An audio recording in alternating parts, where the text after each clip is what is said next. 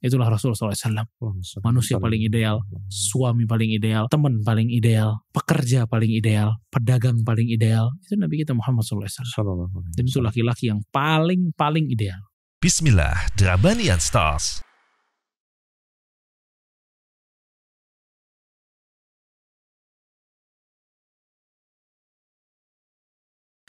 Bismillah, Assalamualaikum warahmatullahi wabarakatuh.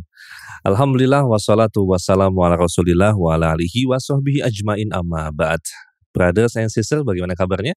Alhamdulillah senang sekali kita bisa kembali berjumpa di program obrolan ringan yang penuh faedah dan tetap asyik bersama guru-guru kita dalam program Drabanian Stocks. Masya Allah, dan kali ini kita kembali bersama guru kita Al-Ustaz Muhammad Halis Syari Arsi Hafidahullah dan juga Al-Ustaz Hamdi Salah Al-Bakir Arsi Hafidahullah. Assalamualaikum Ustaz. Waalaikumsalam. Masya Allah Ustaz. Terima kasih banyak Ustaz atas waktunya.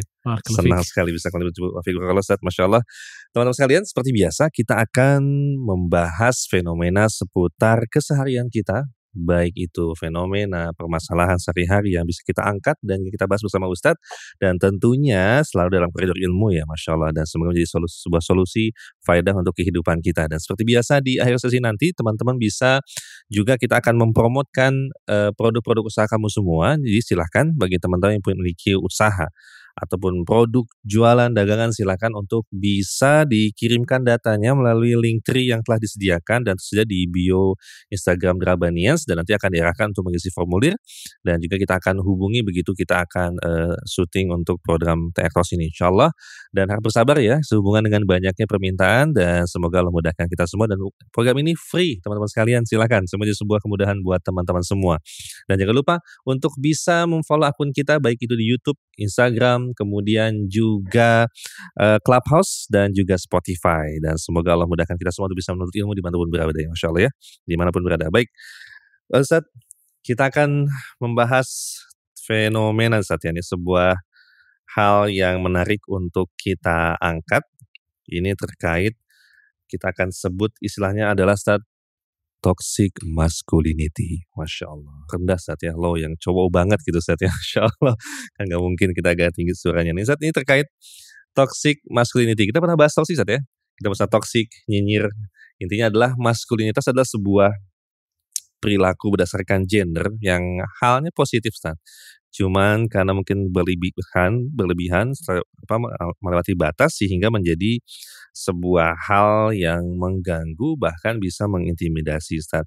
Nah, konsep ini eh, menariknya adalah eh, pada dasarnya adalah sebuah karakter bawaan Ustaz ya, laki-laki, perempuan. Tapi kemudian juga hal ini menjadi toksik beracun bahasa kacanya adalah atau salah arah ketika seorang pria dituntut harus memiliki atau menunjukkan maskulinitas untuk menghindari stigma bahwa laki-laki itu lemah.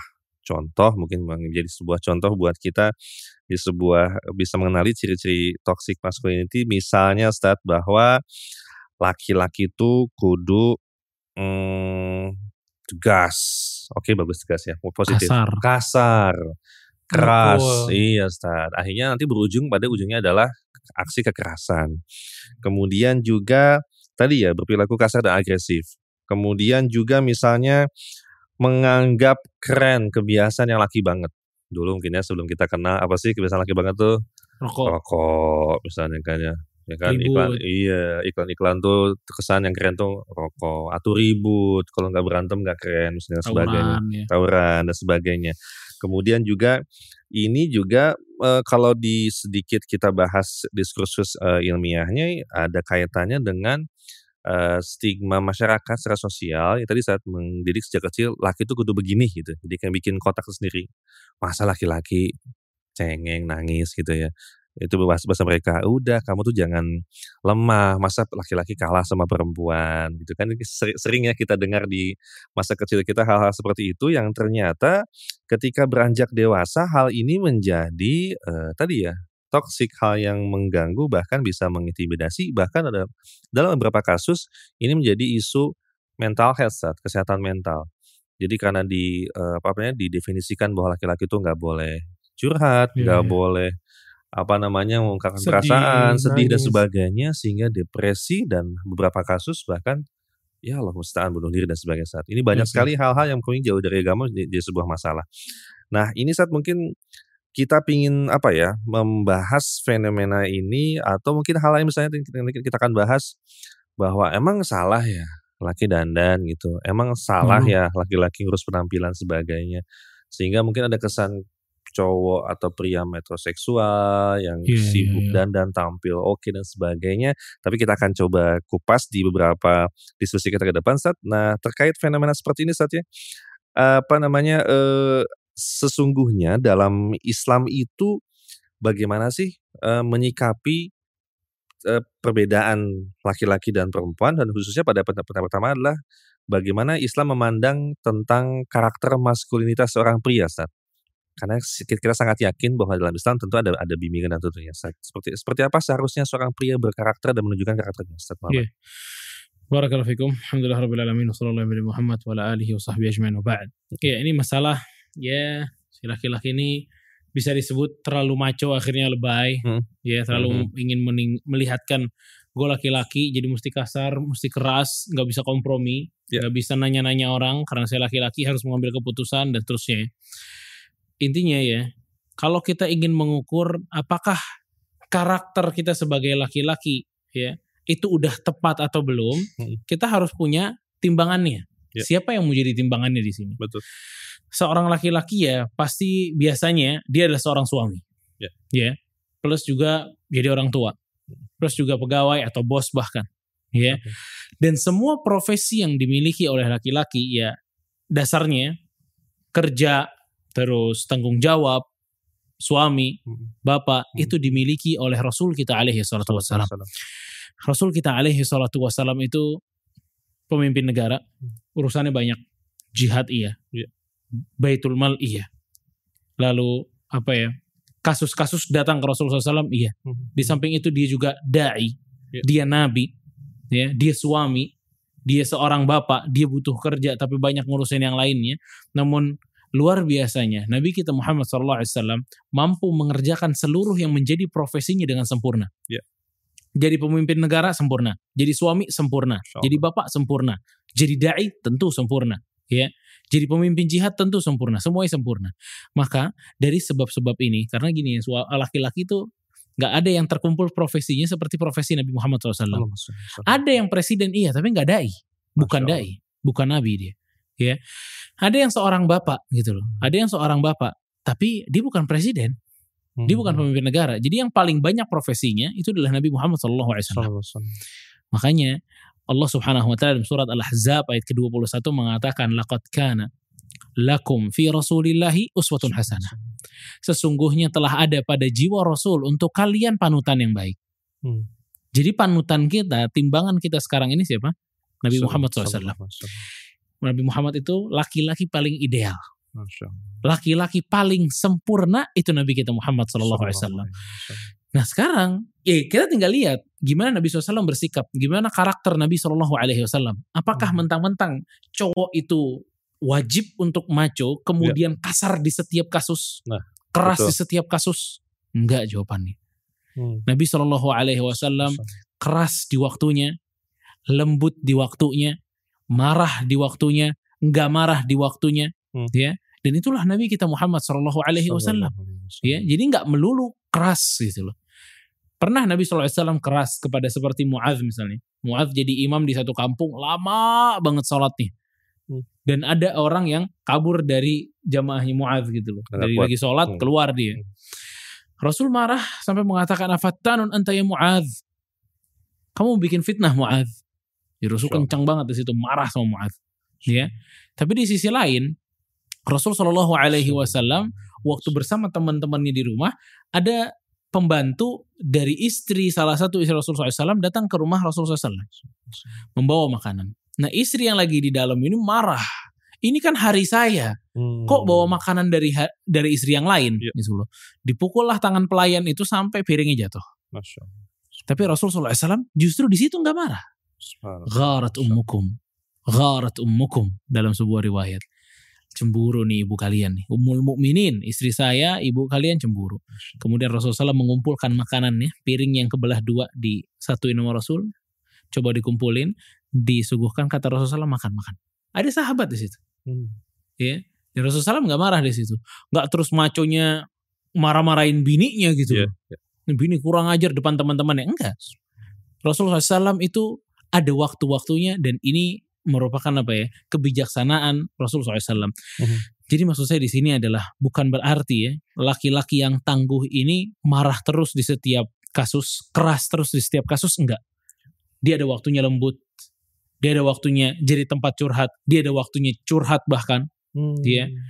Dan itulah Rasul kita alaihi salatu wassalam, laki-laki yang paling ideal. Jadi jangan ngaku laki-laki ini mesti berantem terus, laki-laki ini mesti apa ya kasar terus enggak ini laki-laki terbaik yang lagi kita ceritain nggak melulu track recordnya berantem nggak melulu track recordnya marah-marah enggak Masya Allah.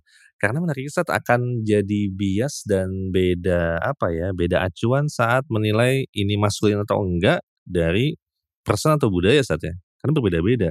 Dan jawabannya adalah kalau pengen lihat maskulin ya lihat maskulin Rasulullah seperti apa saat ya. Ini sebuah jawaban saat ya. Karena ya Masya Allah saat. Dan karena tadi saat ada stigma tadi yang menyatakan bahwa laki itu mesti nah lagi emosi itu tahan, jangan nangis, jangan sedih gitu saat. Padahal tadi ketika sempat sempat di oleh Ustaz, Ustaz, Ustaz Muhammad bahwa Rasulullah pun mengekspresikan perasaannya Ustaz. Nah, lalu kembali ke Ustaz Hamdi, sejauh apa Ustaz batasan-batasan seorang pria itu bersikap sebagai seorang ya pria seutuhnya manusia biasa gitu saat ketika berhadapan dengan masalah saat menahan emosi, nangis, sedih itu seperti apa? Apakah boleh menampakkan ekspresinya? Ya, sangat tidak masalah. Hmm. Ya. Uh, yang dijelaskan sama Ustaz Muhammad tadi adalah poinnya bahwa Rasulullah Shallallahu Alaihi Wasallam adalah suri tauladan. Hmm. Beliau itu contoh bagi kita. Hmm. Ya, sehingga ketika kita jadi seorang pria, jadilah seperti Nabi Muhammad Shallallahu Alaihi Wasallam. Ya beliau nggak lebay, nggak juga bermudah-mudahan. Maksudnya nggak uh, beliau tegas pada tempatnya sebagaimana yang tadi dijelaskan, hmm. beliau hmm. lembut pada hmm. tempatnya. Ya, akan tapi penting juga untuk diperhatikan bahwa laki-laki ya dia tugasnya adalah sebagai pemimpin bagi wanita. Ya, Nabi SAW, eh, Allah Subhanahu wa taala berfirman dalam surat An-Nisa ayat 34, "Ar-rijalu qawwamuna 'alan nisa." Ya, sesungguhnya para lelaki adalah pemimpin bagi para wanita. Sehingga ini adalah fitrah yang Allah Subhanahu wa taala jadikan pada diri laki-laki bahwa dia adalah pemimpin bagi istri-istri mereka. Ya, bahkan dalam sebuah ayat Allah Subhanahu wa taala berfirman walir rijali alaihinna darajah. Sesungguhnya laki-laki itu memiliki derajat yang lebih daripada para wanita. Karena memang tipikal laki-laki itu mengharuskan seperti itu. Para nabi seluruhnya adalah laki-laki. Ya. Um, orang-orang yang berjihad di medan perang mereka adalah laki-laki. Banyak hmm. hal-hal yang diwajibkan oleh laki-laki, tapi gugur kewajiban tersebut pada perempuan. Hmm. Aisyah radhiyallahu anha pernah bertanya kepada Nabi SAW, wahai Rasulullah, uh, apakah kita boleh ikut berperang, berjihad? Karena saking mengertinya tentang keutamaan berjihad ya. Yang Nabi SAW katakan adalah jihadukunnal hajj. Jihadnya kalian adalah pergi haji. Allah. Ya tuh bisa bayangkan ya di sini uh, ternyata Islam itu meletakkan segala sesuatu betul-betul proporsional ah, pada tempatnya. Ya, laki-laki ya tipikalnya dia seperti itu, hmm. berarti amalannya ya berarti seperti itu. Hmm. Perempuan tipikalnya seperti ini, maka amalannya seperti ini. Hmm. Ya sehingga dibagi oleh um, Allah Subhanahu wa taala. Ya, dalam sebuah hadis Nabi SAW juga mengatakan lan yufliha qaumun walau amrahum imra'ah. Gak akan sukses suatu kaum kalau dipimpin sama wanita. Hmm. Ya berdasarkan hadis ini para ulama menyatakan bahwa nggak boleh kemudian pemimpin uh, negara dan lain sebagainya itu di uh, apa namanya diduduki oleh uh, seorang wanita berdasarkan hmm. hadis ini. Hmm. Sehingga maksudnya adalah bahwa uh, ya udah jadilah laki-laki uh, secara fitrah. Ya. ya. Apa yang dicontohkan oleh Nabi Shallallahu alaihi wasallam jadilah seperti itu. Hmm. Ya sehingga ini penting banget untuk diperhatikan. Tapi jangan sampai kemudian sebagaimana yang antum mention juga tadi hmm. bahwa ketika dia tahu laki-laki ini hebat, laki-laki ini pemimpin, laki-laki ini ya seakan-akan superhero, yeah. akhirnya dia melampaui batas. Yeah. Sehingga dia mukul istrinya misalnya terjadi kekerasan di rumah tangga hmm. dengan alasan oh laki-laki hmm. hebat, kuat, hmm. berkuasa. Hmm. Oh nggak demikian. Walaupun laki-laki memiliki keutamaan-keutamaan lebih daripada wanita dan dia pemimpin bagi wanita tapi dia harus bijaksana nggak boleh dia sembarang mukul sebagian wanita mengadu kepada Nabi SAW tentang suami-suami yang suka mukul. Ya. Apa kata Nabi SAW tentang mereka? Hmm. Laisu laisa ulaika bikhiyarikum. Mereka bukan orang-orang baik. Mereka bukan suami-suami baik kata Nabi SAW. Dan kita kembali ke contoh sosok Nabi Shallallahu Alaihi Wasallam. Aisyah radhiyallahu anha mengatakan, "Ma daraba Rasulullah Shallallahu Alaihi Wasallam syai'an qat biyadih lam ra'atan wala khadiman illa an yujahida fi sabilillah." Sesungguhnya Nabi SAW seumur hidupnya nggak pernah mukul orang. Tidak perempuan, istrinya, tidak juga pembantunya. Kecuali tatkala beliau berjihad di jalan Allah. Hmm. Nah, jadi laki-laki seperti itu. Ya, jangan kemudian uh, sifat laki-lakinya ditunjukkan sama istrinya dengan memukul. Maka ini nggak boleh. Sehingga ya seseorang itu seorang lelaki justru kekuatannya itu digunakan untuk mengayomi, ya untuk ke, menjadi pelindung bagi wanita.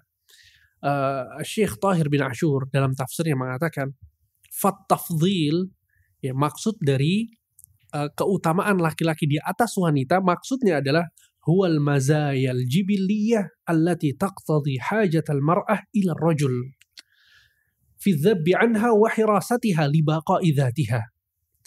Ya jadi keutamaan laki-laki di atas perempuan itu adalah keutamaan-keutamaan kelebihan-kelebihan jibiliyah yang merupakan fitrah penciptaan Allah kepada laki-laki tersebut hmm.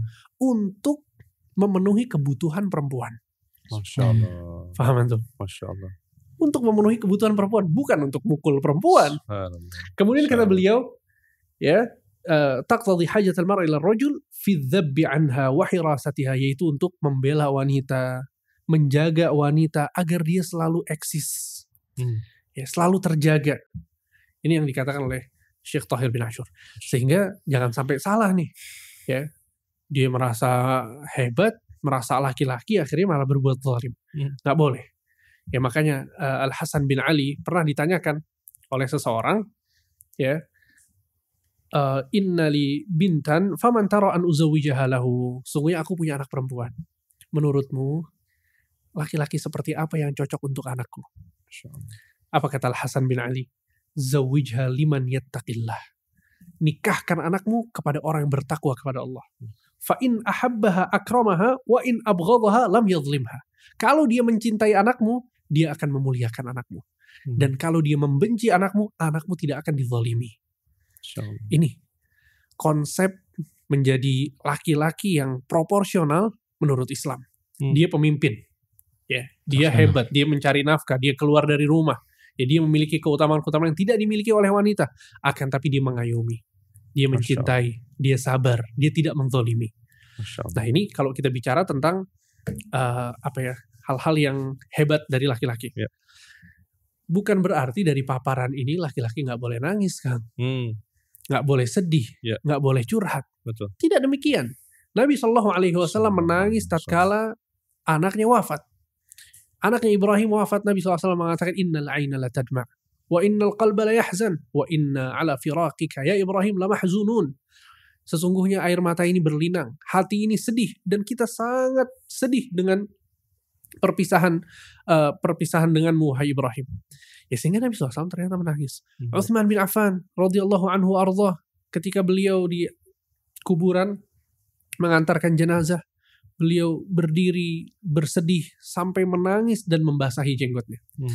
Sehingga maksudnya adalah ya menangis seseorang laki-laki itu tidak menurunkan harkat dan martabat laki-laki sama Masya sekali. Masya ya jadi kita nggak boleh berlebih-lebihan akhirnya zalim dan nggak boleh juga kemudian um, apa ya terlalu uh, apa namanya menganggap bahwa dia nggak nggak nggak perlu menangis atau nggak curhat ya sahabat-sahabat Nabi radhiyallahu anhu datang ke Nabi SAW mengadukan permasalahan-permasalahan mereka maka hmm. sangat wajar ya hmm, ketika hmm. seorang laki-laki itu curhat ya atau dia bermusyawarah ya dia bersedih misalnya itu sangat sangat wajar masya Allah seperti itu jadi memang tadi saya ya kembali ke fitrah penciptaan laki-laki dan perempuan yang masing-masing memiliki perannya saja betul sahih ketika jadi masalah ketika tadi apa melampaui batas tadi ya melampaui batas dan ya terkait perbedaan laki-laki perempuan ini kalau nggak salah ada sahabat sempat bertanya ke, ke Rasulullah mengapa lelaki selalu dilebihkan lalu turun ayat saja kalau nggak salah ya. Betul. Ya ada seorang sahabat wanita bertanya kepada Nabi Shallallahu Alaihi Wasallam, ya kenapa laki-laki ini uh, seakan-akan amalnya lebih banyak hmm. daripada perempuan? Ya, maka Allah Subhanahu wa taala menurunkan ayat wala tatamannu ma faddalallahu bihi ba'dahum ba'dakum ala ba'd lirrijali nasibum mimma iktasabu walin nisa'i hmm. nasibum mimma iktasabn. Ya was'alullaha min fadlih. Ya jangan kalian saling uh, berharap keutamaan yang Allah berikan kepada sebagian dari kalian da, uh, dan yang lainnya tidak tidak mendapatkannya. Ya sesungguhnya para laki-laki mereka akan mendapatkan pahala tergantung dengan apa yang mereka amalkan. Dan begitu juga wanita, mereka akan mendapatkan pahala tergantung dengan apa yang mereka amal amalkan. Was'alullah min fadlih dan mintalah keutamaan itu dari Allah Subhanahu wa taala. Ya sehingga maksudnya adalah ya udah itu ketentuan Allah. Betul. Ya, Betul. perempuan nggak bisa hasad ke laki-laki karena pergi ke masjid, mm -mm. karena berjihad. ya, memang itulah tipikal laki-laki, dia seperti itu. Ya, dan sama laki-laki juga nggak boleh ngiri jadi perempuan kan. Okay. Terus dia mau pakai jilbab, mau pakai lipstick nggak bisa. Allah, ya sehingga maksudnya adalah setiap uh, apa namanya uh, laki, laki setiap jenis kelamin gitu ya laki-laki memiliki hal-hal uh, yang proporsional baginya. Okay. Begitu juga dengan wanita. Masya Allah. Seperti itu indah banget ya. Allah ciptakan berbeda dengan fungsi dan peran berbeda, maskulin dengan sifatnya, feminin dengan sikap sifatnya saja, masya Allah. Nah, tadi terkait kembali terkait uh, stigma atau ciri-ciri toxic masculinity adalah tadi saat ketika mereka menganggap bahwa wah tabu nih laki-laki turun untuk bisa membantu kerjaan rumah tangga tugas kita di luar kerja udah deh gitu kita nggak mau ngurus urusan rumah nah sesungguhnya apakah ada sejauh mana saat batasan seorang seorang pria bersikap saat ketika berada di rumah? Hmm. Apakah iya sebuah tabu gitu ada ada perbedaan peran laki-laki udah di rumah luar luar aja nggak usah bantu urusan dalam atau mungkin ada yeah. saling membantu Ustaz Iya barakallahu fikum. Pertama memang mesti kita tahu bahwa seorang laki-laki itu tadi rijal qawwamuna 'ala nisa bima faddalallahu ba'dhum 'ala ba'd wa bima anfaqu min amwalihim. Hmm. Jadi memang laki-laki itu pemimpin untuk seorang wanita salah satu sebabnya karena apa yang diinfakkan. Yeah. Jadi emang dia nyari nafkah, tugasnya keluar. Hmm. Ya. Tapi bukan berarti begitu masuk rumah ya, dia nggak mau atau mengharamkan dirinya membantu pekerjaan di rumah. Enggak hmm. gitu. Hmm. Lagi-lagi laki-laki yang paling ideal Nabi kita Muhammad Shallallahu alaihi wasallam itu beliau kerap membantu istrinya di rumah. Hmm ya. Selama beliau sanggup jadi Nabi SAW memang punya kebiasaan kata Aisyah radhiyallahu anha karena Nabi SAW fi mihnati ahli. jadi Nabi kalau di rumah tuh ngebantuin keluarganya emang. Hmm. ya. Ngebantuin keluarganya di luar kerja dia jadi dai dia jadi pemimpin negara ngambil apa menyelesaikan kasus. Begitu masuk di rumah dia bantuin keluarganya. Masya Allah. ya Masya Allah. ini emang lelaki ideal suami sempurna Allah. Ya, Nabi Muhammad SAW. Fa'idha hadaratis salah, kharaja ila salah. Kalau udah waktunya sholat, Nabi keluar dari rumah sholat. Hmm. Ini menandakan kepada kita bahwa Nabi SAW dengan segala jabatannya, hmm. dia nggak malu untuk membantu istrinya di rumah. Ya. Nabi SAW dengan segala kebaikannya, kemacoannya, kegagahannya, hmm. ketegasannya, dia nggak terus nggak bantu istrinya di rumah. Dibantu istrinya ya. Maka ini salah satu adalah bentuk ihsan kepada istri atau kepada orang-orang yang ada di rumah membantu pekerjaan yang bisa kita kerjakan di rumah hmm. ya. Banyak memang suami ini kalau udah dari luar masuk ke rumah udah main HP aja hmm. main game aja hmm. ya. Istrinya nggak pernah dibantu. Ya nggak gini juga. Konsepnya Rasul dalam rumah nggak gini. Hmm. Rasul ngebantu keluarganya walaupun memang ini bukan suatu kewajiban. Jadi kalau kita capek yeah ya itu boleh nggak ngebantuin nggak apa-apa kalau hmm. kita capek ya hmm. tapi kalau kita mampu untuk membantu gitu ya kita turun tangan betul-betul membantu maka itu yang paling afdal ya makanya kata sebagian orang bilang ya kalau anda nggak bisa bantuin mereka secara fisik nggak bisa bantuin masaknya hmm. atau ngapain kayak maka bantulah dia dengan senyuman anda Masya Allah. bantulah istri-istri itu dengan senyuman anda Masya Allah. ya ini udah nggak bantu marah-marah kan ribet ya oh. nggak sehat. Senyumin aja jadi kang. Senyumin aja kalau capek senyumin aja kang. Nah jadi nggak dan juga nggak ngurangin kewibawaannya tentu itu juga setelah ya Rasulullah SAW malah justru menambah izzah. Ah ya menambah kemuliaan seorang laki-laki. Betul ya, tapi jangan disalah kaprahkan bahwa udah kita masak deh buat istri kita setiap ah. hari. Yang enggak gitu juga ah, bro. ah, okay, okay, antum okay, tetap okay. tugasnya di luar gitu loh. Okay. istri yang tugasnya di dalam. Makanya Nabi SAW itu kalau nggak ada makanan Masya nanya Allah. ke istrinya. Hmm. Ada makanan nggak? Ih berarti emang tugas utamanya mereka itu gitu loh. Tapi betul, kita bantu. Betul, gitu. betul. Tetap laki di tulang punggung katanya. Iya, Perempuan tulang rusuk. Ayo, Jangan terus. kebalik. gue di rumah aja dah. Lu cari kerja di luar dia. Allah, masya Allah. Kalau fitrahnya berantakan, berantakan semuanya. Allah, akbar, setih, masya Allah. Nah, kembali ke fenomena berikutnya dalam dalam dalam maskulinitas ini ada stigma tadi bahwa bahwa yang dandan tuh bukan cewek doang gitu. Cowok juga boleh dandan dong, ya Waduh. ya kan? Iya, Ustaz. Sehingga ya tadi ya metroseksual, cowok hmm. metroseksual yang, yang sangat memperhatikan penampilan atas bawah, model rambut, belahan rambut, kemudian juga hingga pakaian dan sebagainya. Nah, tadi saat uh, sesungguhnya dalam Islam itu batasan sejauh apa seorang pria itu boleh memperhatikan dan juga merawat diri saat yang mungkin kita ketahui ini ini sebenarnya yang paling sering berhias dominan perempuan sih ya. apa, apa betul laki-laki nggak boleh atau bagaimana sih? Taib. Pada asalnya, hmm. pada asalnya bahwa berhias itu eh, fitrahnya perempuan. Oke. Okay. Ya, bukan fitrahnya laki-laki. Ya. Ya.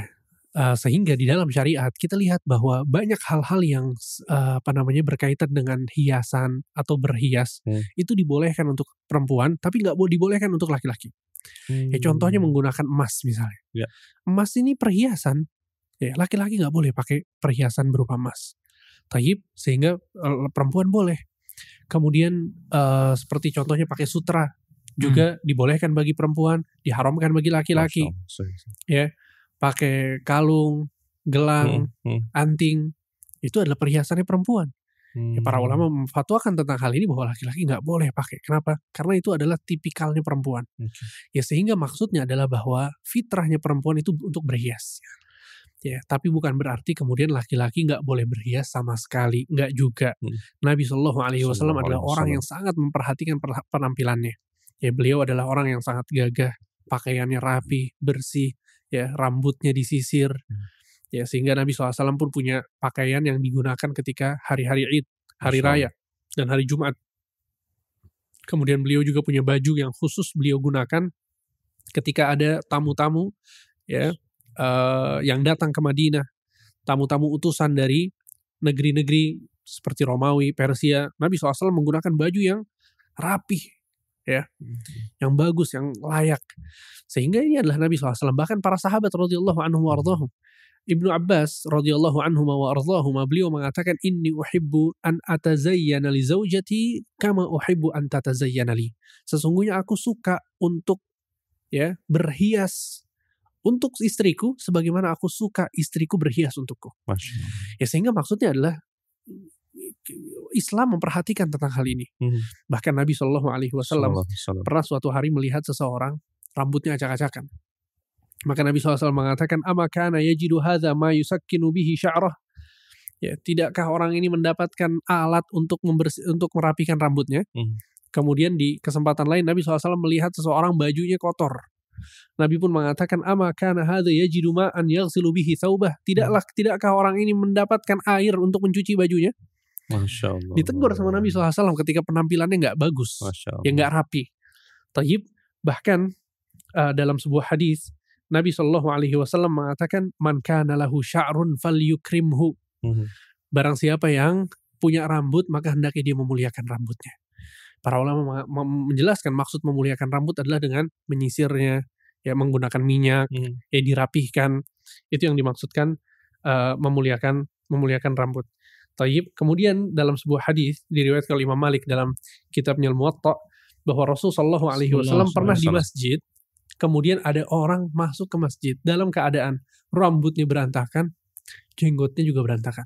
Hmm fa'asyara ilaihi an yakhruja minal masjid. Maka Nabi SAW memerintahkan dia untuk keluar dari masjid. Masya Allah.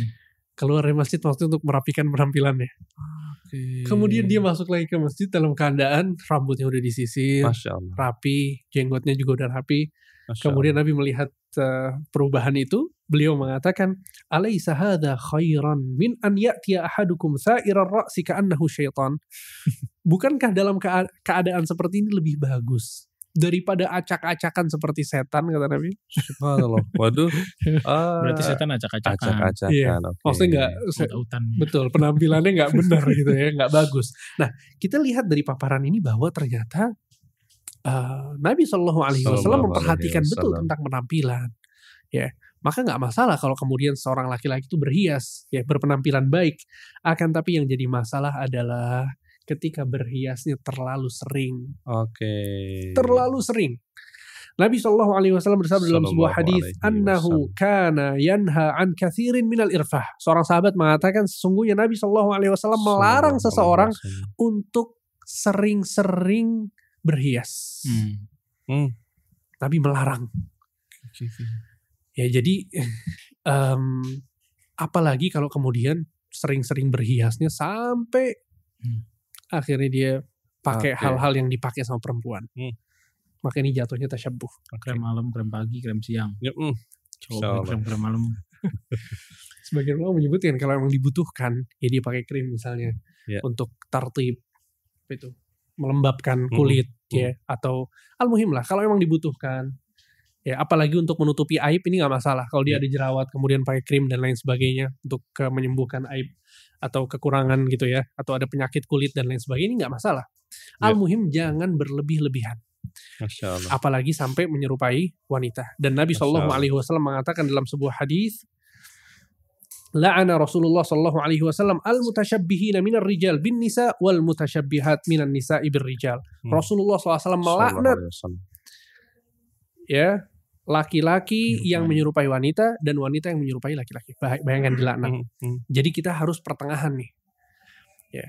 Tadi kita bahas tentang suami yang super power, yeah. hebat banget, superhero, um, sampai akhirnya mukul-mukul, sampai yeah. akhirnya terjadi KDRT. Betul. Kemudian nggak boleh juga, kemudian dia terlalu lembut, berhias terlalu sering, sampai akhirnya menyerupai wanita. Ya ilah Jadi ada batasan saja.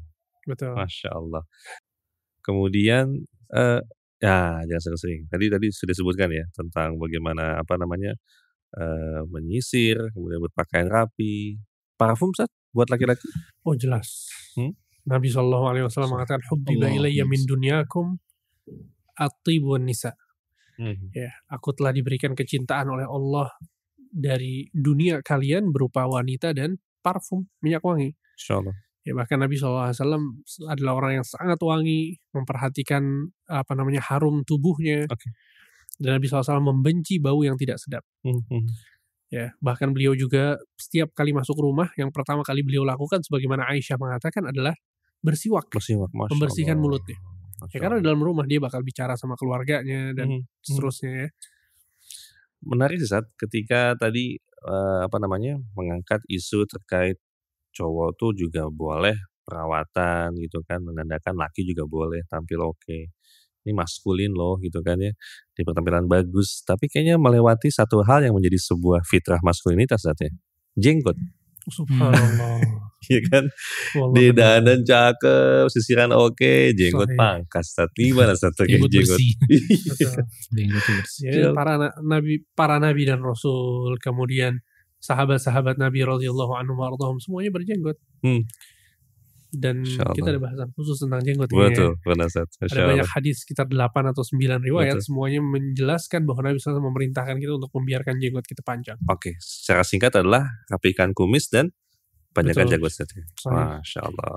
Baik, karena ya menarik juga saat cara mempraktekkan di luar sana ada yang full banget gitu kan bewok banget saat sampai apa kumisnya panjang nih laki gitu kan ya tadi saya kalau berantakan juga tadi malah jadi dirupai syaitan saat ya. syarat dirapiin juga nyisir boleh nggak boleh sering-sering Iya. Oke, dulu zaman kita ada golok cinta saat set sisir saat rapi jali.